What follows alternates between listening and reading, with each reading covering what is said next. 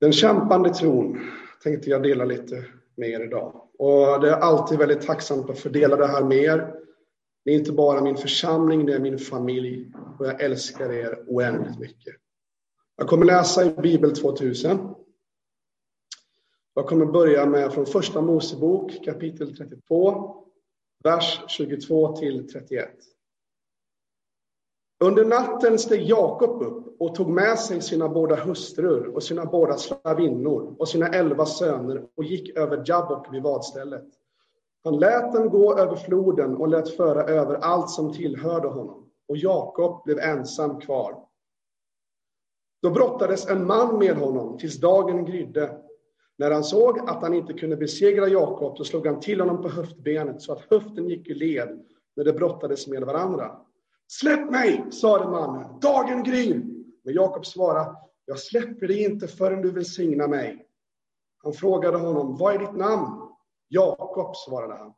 Då sade han, ditt namn skall inte längre vara Jakob, utan Israel, ty du har kämpat med Gud och människor och segrat. Jakob bad honom, låt mig veta ditt namn. Han svarade, varför frågar du mig om mitt namn? Och han välsignade honom där. Jakob kallade platsen Penuel, ty sade han, jag såg Gud ansikte mot ansikte och ändå skonades mitt liv. Och när han lämnade Penuel såg han solen gå upp och han haltade på grund av sin skadade höft. Ja, motståndets natur är det som har kommit upp i mitt hjärta här. Jag tänker ofta att livet som vi lever här på jorden är ofta ovisst. Vi kan alla ha planer och visioner kring hur vi önskar att våra liv ska vara och hur vi oss själva ofta önskar att livet borde vara, men kanske oftast inte är. Helst så önskar vi oss ett smärtfritt liv, i alla fall jag. Det hade varit skönt. Utan motstånd, där allt ska flyta på och komma till oss med lätthet. Och samhället och världen runt oss vill gärna servera oss den ena bekvämligheten efter den andra. Och hela tiden så finns det så mycket i vår omvärld som vill att vi ska tappa vår medvetenhet och vår vakenhet. Och innan jag vände om till Gud så var jag thaiboxare under ett antal år. Jag kommer ihåg första gången under en skarp stridsövning. Jag fick världens smäll i ansiktet. Jag minns hur jag fick ont, men jag hann inte tänka innan jag var tvungen att skydda mig mot nästa slag och nästa slag och attack från motståndaren. Om jag inte instinktivt hade direkt parerat nästa attacker som kom så hade jag fått ta mer smäll från motståndaren. Jag blev i den stunden tvungen att faktiskt lita på min egen instinkt och sluta vara rädd. Och jag tror att det är precis samma sak med vår tillit till den heliga Andes ledning i oss under de tillfällen vi kämpar med vår tro och våra tvivel. Vår Gud är sanningen och han tål att brottas med. För i det ögonblicket lärde jag mig tre saker. Ett, jag gick inte sönder. Två, min instinkt till försvar ökade. Tre, min kämparglöd ökade. Jag tror att det är samma sak med vårt liv med Kristus i vårt böneliv. Utan motstånd finns inget växande. Utan kamp så riskerar vi att bli passiva och fastna i vår vandring när vi låter oro och fruktan få grepp om oss och forma våra liv. Vi kommer alla möta smärta och lidande. Vi önskar oss ett smärtfritt liv, men ett sådant liv finns inte. Men när jag står fast i tron trots stormen i livet så håller Gud mig vaken och redo att möta verkligheten som den är. Gud odlar en krigares instinkt i oss, mitt i motståndet och i kampen när vi tålmodigt håller fast i vad han har gjort för oss. Den helige Ande blir och är vår instinkt och då blir förlåtelsen vårt vapen. Vi behöver inte veta exakt hur allt ska visa sig var given sekund. Men om vi möter varje dag med mod och hopp och en tro på en Gud som redan vunnit segern och ständigt påminner oss själva om vem han är och vad han har gjort och fortfarande gör för oss, så kan vi genom det trofast och uthålligt lita på att han bär med oss igenom allt mitt i kampen och att rädsla och fruktan då tappar sin makt över oss. Jag fortsätter läsa från kyrkårets text, Andra Korinthierbrevet, från vår käre Paulus som en av mina hjältar. Han skriver så här, Andra Korinthierbrevet kapitel 6, vers 1-10. Som Guds medhjälpare uppmanar jag er att inte kasta bort den nåd ni har tagit emot ifrån Gud. Han säger ju, jag bönhörde dig när stunden var inne. Jag hjälpte dig på frälsningens dag. Nu är den rätta stunden. Nu är frälsningens dag. Jag vill inte vara till anstöt för någon. Ingen ska kunna anmärka på min tjänst. Som Guds tjänare visar jag på allt sätt vad jag duger till. Med stor uthållighet under påfrestningar, trångmål och nöd, under prygel, fångenskap och upplopp under möde, vaka och svält.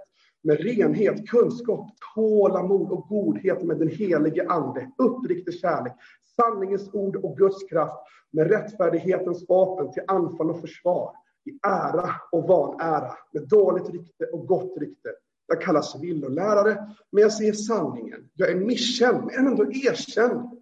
Jag är nära döden, men ändå lever jag. Tuktad, men inte till döds. Plågad, men alltid glad. Jag är fattig, men jag gör många rika. Jag har ingenting, men jag äger allt. Att vara närvarande inför närvaron. Just nu är allt som är. I detta ögonblick har vi samlats för att fira gudstjänst. Gud är alltid här och han är alltid nu. När vi låter rädsla och fruktan framträda så glömmer vi att just nu är vi frälsta av nåd. Mitt i vår kamp och i våra umbäranden. Meningen var inte rädda nämns över 400 gånger i Bibeln. Jag tycker det säger något om hur god Gud är. Att han är evig seger och att han har vunnit och han kommer fortsätta att vinna. Och genom den nåd han har givit oss så får vi ta del av den här vinsten där vi alltid kan påminnas om den eviga frid han redan gett oss mitt i kampen. Och att vi med denna visshet och vetskap kan vara modiga och sårbara inför livet och omfamna verklighetens ovisshet tillsammans med den helige Ande.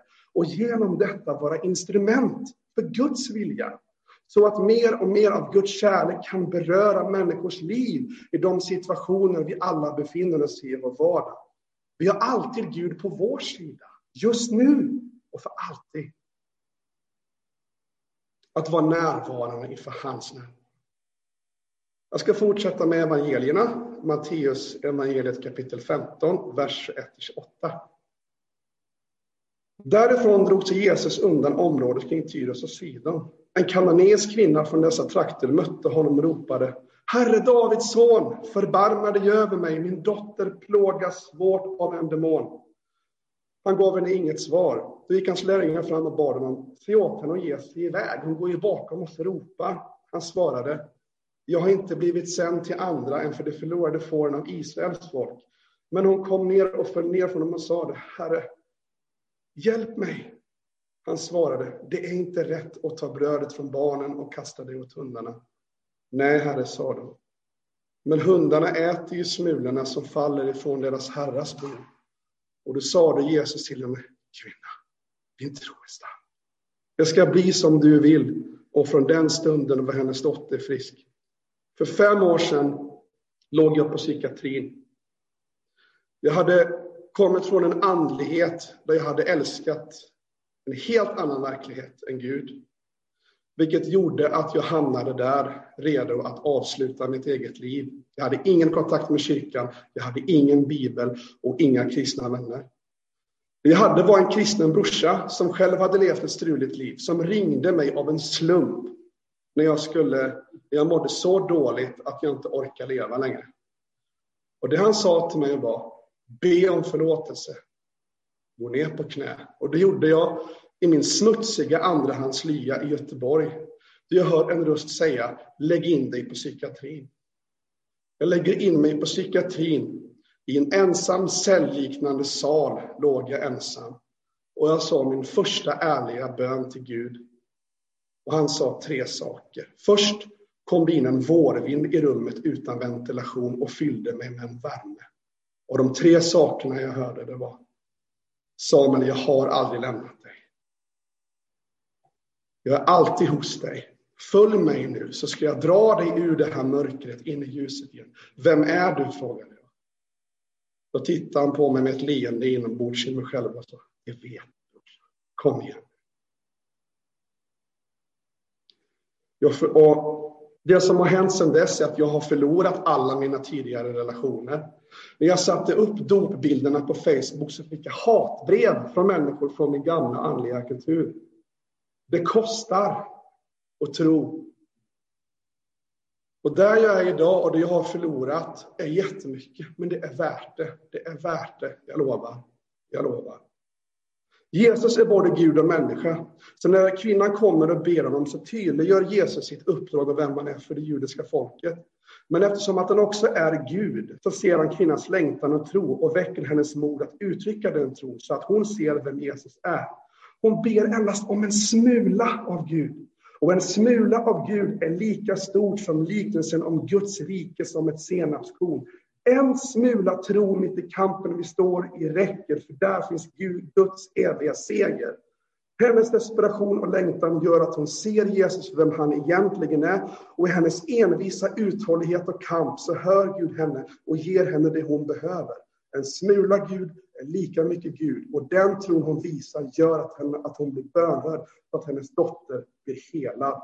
Det är som att Gud säger till kvinnan, se det du ser Lita på det du ser och uttryck det du ser. Så det kristna livet och det man förlorar tycker jag sammanfattas i Galaterbrevet 2, 19-20. Ty jag har genom lagen dött bort från lagen för att jag ska leva för Gud. Jag är korsfäst med Kristus och nu lever inte längre jag utan Kristus lever i mig. Och det liv jag nu lever i min kropp, det lever jag i tron på Guds son som har älskat mig och utgivit sig för mig. Jag ska avsluta med en psalm och sen med en bön. Tack Jesus. Saltaren psalm 130, vers 1-8. En vallfartssång. Herre, hör mitt rop. Lyssna när jag bönfaller dig. Om du lade synder på minnet, vem kunde då bestå? Men hos dig finns förlåtelse. Förlåtelse. Och därför fruktar man dig. Jag väntar på Herren. Jag längtar. Jag hoppas att få höra hans ord. Jag längtar efter Herren mer än väktarna på morgonen. Än väktarna på morgonen. Hoppas på Herren Israel, ty hos Herren finns nåd och makten att befria. Han ska befria Israel från alla synder. Tack Gud för ditt eviga ord. Tack Gud för det du har gjort och fortfarande gör för oss. Låt oss alltid påminna oss själva om din seger och godhet när du kallar oss vid namn. Amen.